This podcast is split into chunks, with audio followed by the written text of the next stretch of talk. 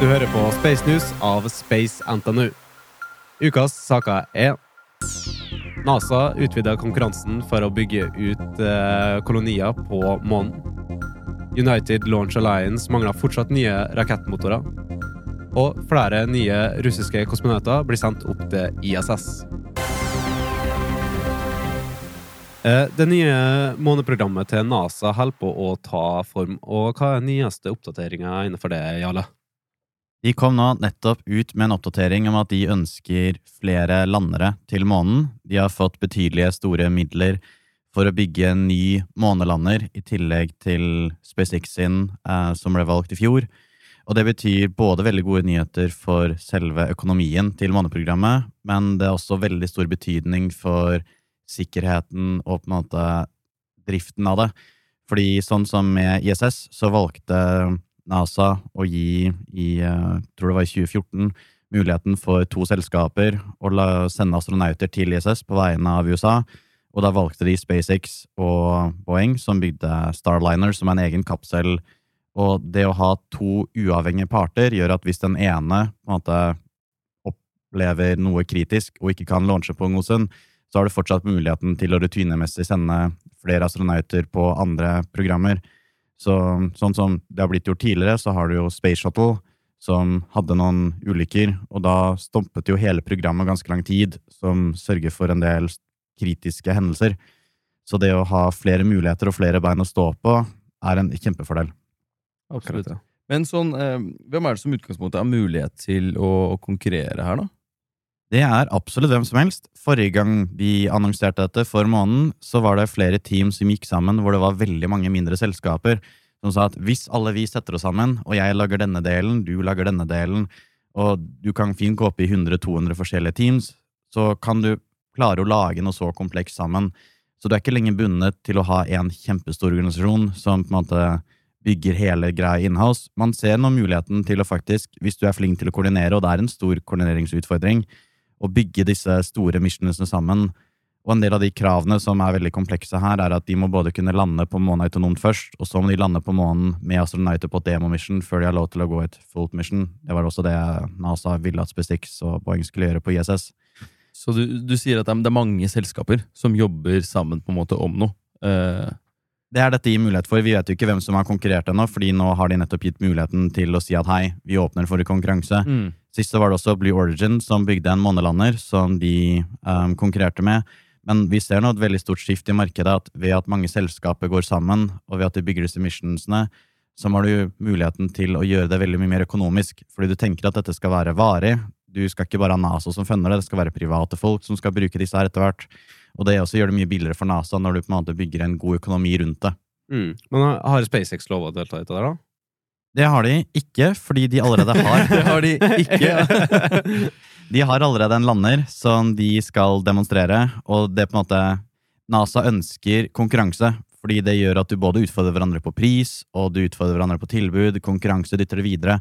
Og nettopp det at SpaceX allerede vant måte, den første landeren, og allerede skal lande astronauter på månen for NASA, gjorde dem diskvalifisert, sånn at du nettopp sprer arbeidsplasser, du bygger økonomien i USA, du setter mange flere folk i arbeid, og det har veldig store ringvirkninger utenfor bare det å sende folk til månen, fordi du engasjerer såpass mye mennesker og stimulerer veldig med økonomi rundt. Er det for å begrense monopolet, eller? Ja, både begrense monopol, men også bare det å skape arbeidsplasser og på en måte også stimulere amerikansk økonomi. Mm. Men sånn, eh, når man tenker på tidsestimater Jeg, jeg antar at sånn når de da skaper det konkurranse, konkurransen her, og SpaceX som allerede har noe, eh, får ikke lov til å delta, vil ikke dette gjøre at estimaten, eller tidsestimaten blir, blir større og lenger? Man forventer det. Romferd er kjempevanskelig å estimere på tid. Det er alltid noe som skjærer seg, og alltid noe man må reteste, og ting tar alltid mye lengre tid enn det man skulle tro. Så per nå så er planen å ha disse, som du på en måte har utlyst nå, på overflaten på månen i typ 2025. Antageligvis rundt i samme tidsrom som SpaceX, og SpaceX ligger an til å teste sin lander autonomt i 2024. Men dette kan fort skli nærmere 2030. Men selv det vil ikke være noen krise. Bare det at vi ønsker å jobbe for det, og har allerede nå driver og bestiller på en måte produktene og delene som skal dit, er et veldig veldig godt tegn og tyder på at vi snart kommer til å være der. Eh, United Launch Alliance utvikler jo for tida en eh, ny rakett. Eh, den heter da Vulcan. Og hvilken motor er det den skal benytte? På den så gikk de for en BE4-motor som er utvikla av Blue Origin. Og United Launch Alliance har på en måte som historikk ikke pleid å utvikle egne rakettmotorer. Sist, til sin forrige rakett, Atlas, så brukte de en russisk RD-180-motor. Det var nok også et tid for å sørge for at andre land ikke kjøpte disse rakettmotorene, og eventuelt skapte um, farlige raketter som enten kunne skade andre land, eller det var mye usikkerhet rundt det, så da kjøpte USA opp alle disse rakettmotorene og valgte da å bruke de der. Nå har de da isteden også valgt å gå for en egen rakett, med en egen rakettmotor utvikla i USA, og det har nok også en positiv effekt nå, da, i og med at man, uh, USA holder nå tilbake, nei, Russland holder tilbake alle de rakettmotorene som ellers ville da gått til Atlas-raketten. Så det er nok også lurt å prøve å være litt mer statlig uavhengig på dette feltet, ser man. Men vil dette igjen eh, øke altså så når, vi, når jeg nå stilte spørsmålet i tidsestimat på det tidligere på måneprogrammet eh, I dette tilfellet når Russland nå holder tilbake sine motorer som egentlig skulle ha vært levert, eller opp, på, kanskje fremtidsmessig, eh, vil de igjen på en måte gjøre det vanskeligere eh, for Vulcan? Man tror det. Um, de er nå i en veldig stor klemme. De har allerede, de begynner å få en del logistikkproblemer. Disse motorene som de skulle fått fra Blue Origin, er også fire år for sene. Mm. Så de har hatt kjempestore utviklingsproblemer med dem. Det er en motor som ligner veldig på den SpaceX utvikler akkurat nå. Det er en metan-oksygenmotor som er veldig komplisert.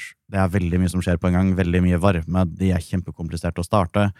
Og nå på toppen av det så slutta chief engineeren, som har ansvar for den rakettutviklingen i Blue Origin, som antageligvis også kommer til å skape litt ekstra problemer. Men de sier at de skal ha den klar forhåpentligvis i løpet av mai, og så levert til sommeren, for å så fortsatt kanskje prøve å få til en launch på vulkanraketten før nyttår. Mm. Hva, så, hva så fikk han til å slutte, da?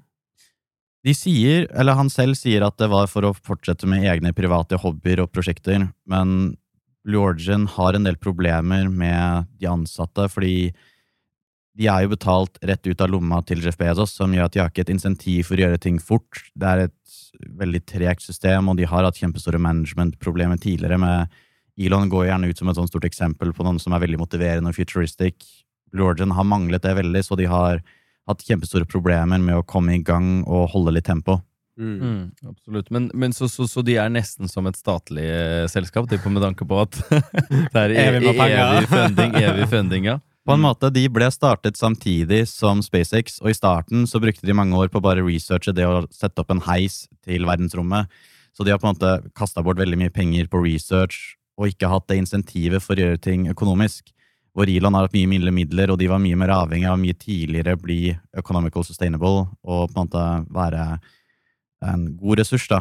Mens de her har Blue Origin bruker for tiden også mye ressurser bare på å sende astronauter på en liten svipptur opp til Carmen Line, som er grensen av verdensrommet, og så ned igjen på en sånn ti minutters tur, mens de på en måte utvikler sin store rakett New Glenn, som skal bli det nye store prosjektet. Så de har en del baller i luften, men ikke helt insentivet for å gjøre ting økonomisk. Så det er rett og slett ulike tilnærminger, ja. Mm. Eh, det ble jo nylig sendt opp eh, russere til ISS, eh, og hvordan går det med den situasjonen? Det går veldig bra. Det er første gang at Russland har sendt opp tre egne kosmonauter samtidig. Så det var på en måte litt historisk mission også. De brukte bare i underkant av tre timer på vei opp, så det gikk veldig fort. Um, de skapte en litt anspent situasjon da de ankom, fordi de valgte da å ikle seg gule drakter, og så har det vært mye konspirasjonsteorier hva dette skulle bety. Um, men per nå så har de fortsatt et veldig godt samarbeid på ISS sammen med NASA. Mm. Får um, litt mer om den, de, de, de, de, tre timene som ble brukt til, uh, til ISS. Hva, hva, pleier vanligvis en sånn tur å ta, sånn i forhold til det? For SpaceX en del fra USA så tar det fort mellom 8 og 16 timer, veldig avhengig av hvor ISS er. Det å skyte opp folk til ISS er en ganske komplisert prosess i forhold til søvn, fordi du vil at når de du må ha de på en måte på schedulen til ISS når de launcher, sånn at de på en måte har samme døgnrytme når de kommer mm. frem, som gjør at de må legge seg og på en måte komme frem til samme tid, og det gjør det veldig komplisert å launche på et punkt som gjør at de kan være våkne under alle de viktige delene av turen uten å kødde til sin egen døgnrytme. Sånn Mm. at de på en måte kan være i normal ISS-døgnrytme når de kommer frem. Og der er ISS veldig hyggelige, fordi de em, Og ikke hyggelige, veldig heldige. fordi de er plassert på et sted i da em, Kasakhstan som gjør at ISS passerer veldig tett over dem. Ja. Som gjør at de må på en måte gjøre ganske små endringer på vei til ISS. Og da kan også flytte delvis ISS på et såpass sted at det passer perfekt. da, Og da komme ned på en tre timer som er ekstremt lavt for, å- i tid for en sånn reise. Men har hele ISS da våkentid på at visst tidspunkt, eller er det alltid ting som skjer?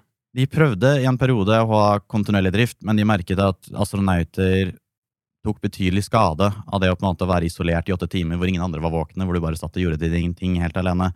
Så de gikk til å ha en felles schedule hvor du på en måte hadde litt mer miljø, da du spiser middag sammen og du har litt mer med hverandre å gjøre. Så man så at det har en ganske betydelig effekt å ha et felles arbeidsmiljø. Mm. Men hva er det som på en måte Du nevnte jo litt om det, det, det med de tre timene igjen. eh, Og eh, det er ikke sånn at raketten er noe raskere ikke sant, eh, enn SpaceX sin. Eh, Det er bare eh, posisjonen som gjør at det går betydelig raskere. De er veldig heldige med plasseringen hvor de launcher fra, hvor Ja. ISS passerer USA ligger betydelig lenger nord, og ISS går betydelig mer over ekvator. Og Kasakhstan er på en måte nærmere ekvator enn eh, USA. Mm. Er det noen grunn til at det ikke er blitt gjort sånn før? De begynte å eksperimentere med det en del tidligere, men også det å ha bedre algoritmer på, på måte det å regne ut trajectorsene, og så har de også begynt å flytte litt mer på ISS, som gjør at når de på en måte skal launche fra Kasakhstan, så flytter ISS betydelig nærmere nord enn de kanskje ellers ville gjort, for å også optimalisere reisetiden. Eh, la oss adressere litt elefanten i rommet. Eh, hvordan er det med Ukraina-situasjonen og det at de sender flere russere opp til ISS? De sier at på ISS så er det veldig god stemning, der er alle veldig gode venner, men på den offisielle siden så har nå også Russland trua med å styrte ISS over USA, eh, de har tatt en diverse flagg, og så har de satt veldig mange av de store betydelige samarbeidene på pause, sånn som den eh, Mars-roveren som ESA og US, nei, Russland hadde tenkt å bygge sammen, er satt på vent, noe veldig mange forskere er veldig sinte på, fordi de har jo lagd eh, mange år med arbeid i noe som nå plutselig kanskje ikke blir noe av. Så man ser en veldig anspent situasjon rundt, men på ISS isolert så går det fortsatt betydelig bedre enn forventa. Så det går i utgangspunktet som planlagt, på en måte? Ja. Mm. For det er jo ganske ekstremt med tanke på at eh, det ExoMars som du nevnte, da, den Mars-roveren, at den, det er vel De må vente to nye år, da, eh, hvis ikke de launcher nå i sommer. Ja, og så er det jo lagt så enormt mye ressurser og tid i prosjektet. De har jo på en måte bygd det nesten halvveis og hadde en ganske god schedule, og plutselig så er nå på en måte all kontakt mellom alle parter brutt, fordi de står litt ute av stand til å samarbeide. Så man ser en veldig stor utfordring da, i det å koordinere disse type missions nå, hvor ingen vet hva som skjer, og ingen vet om det fortsatt skjer, og du har bare lagt ned på en måte nesten hele livsverket ditt i et prosjekt. da. Du hørte på Space News med Erlend Sandblåst, Alexi Gusev og Jarle Steinberg. Kom tilbake neste uke for nye Space-oppdateringer.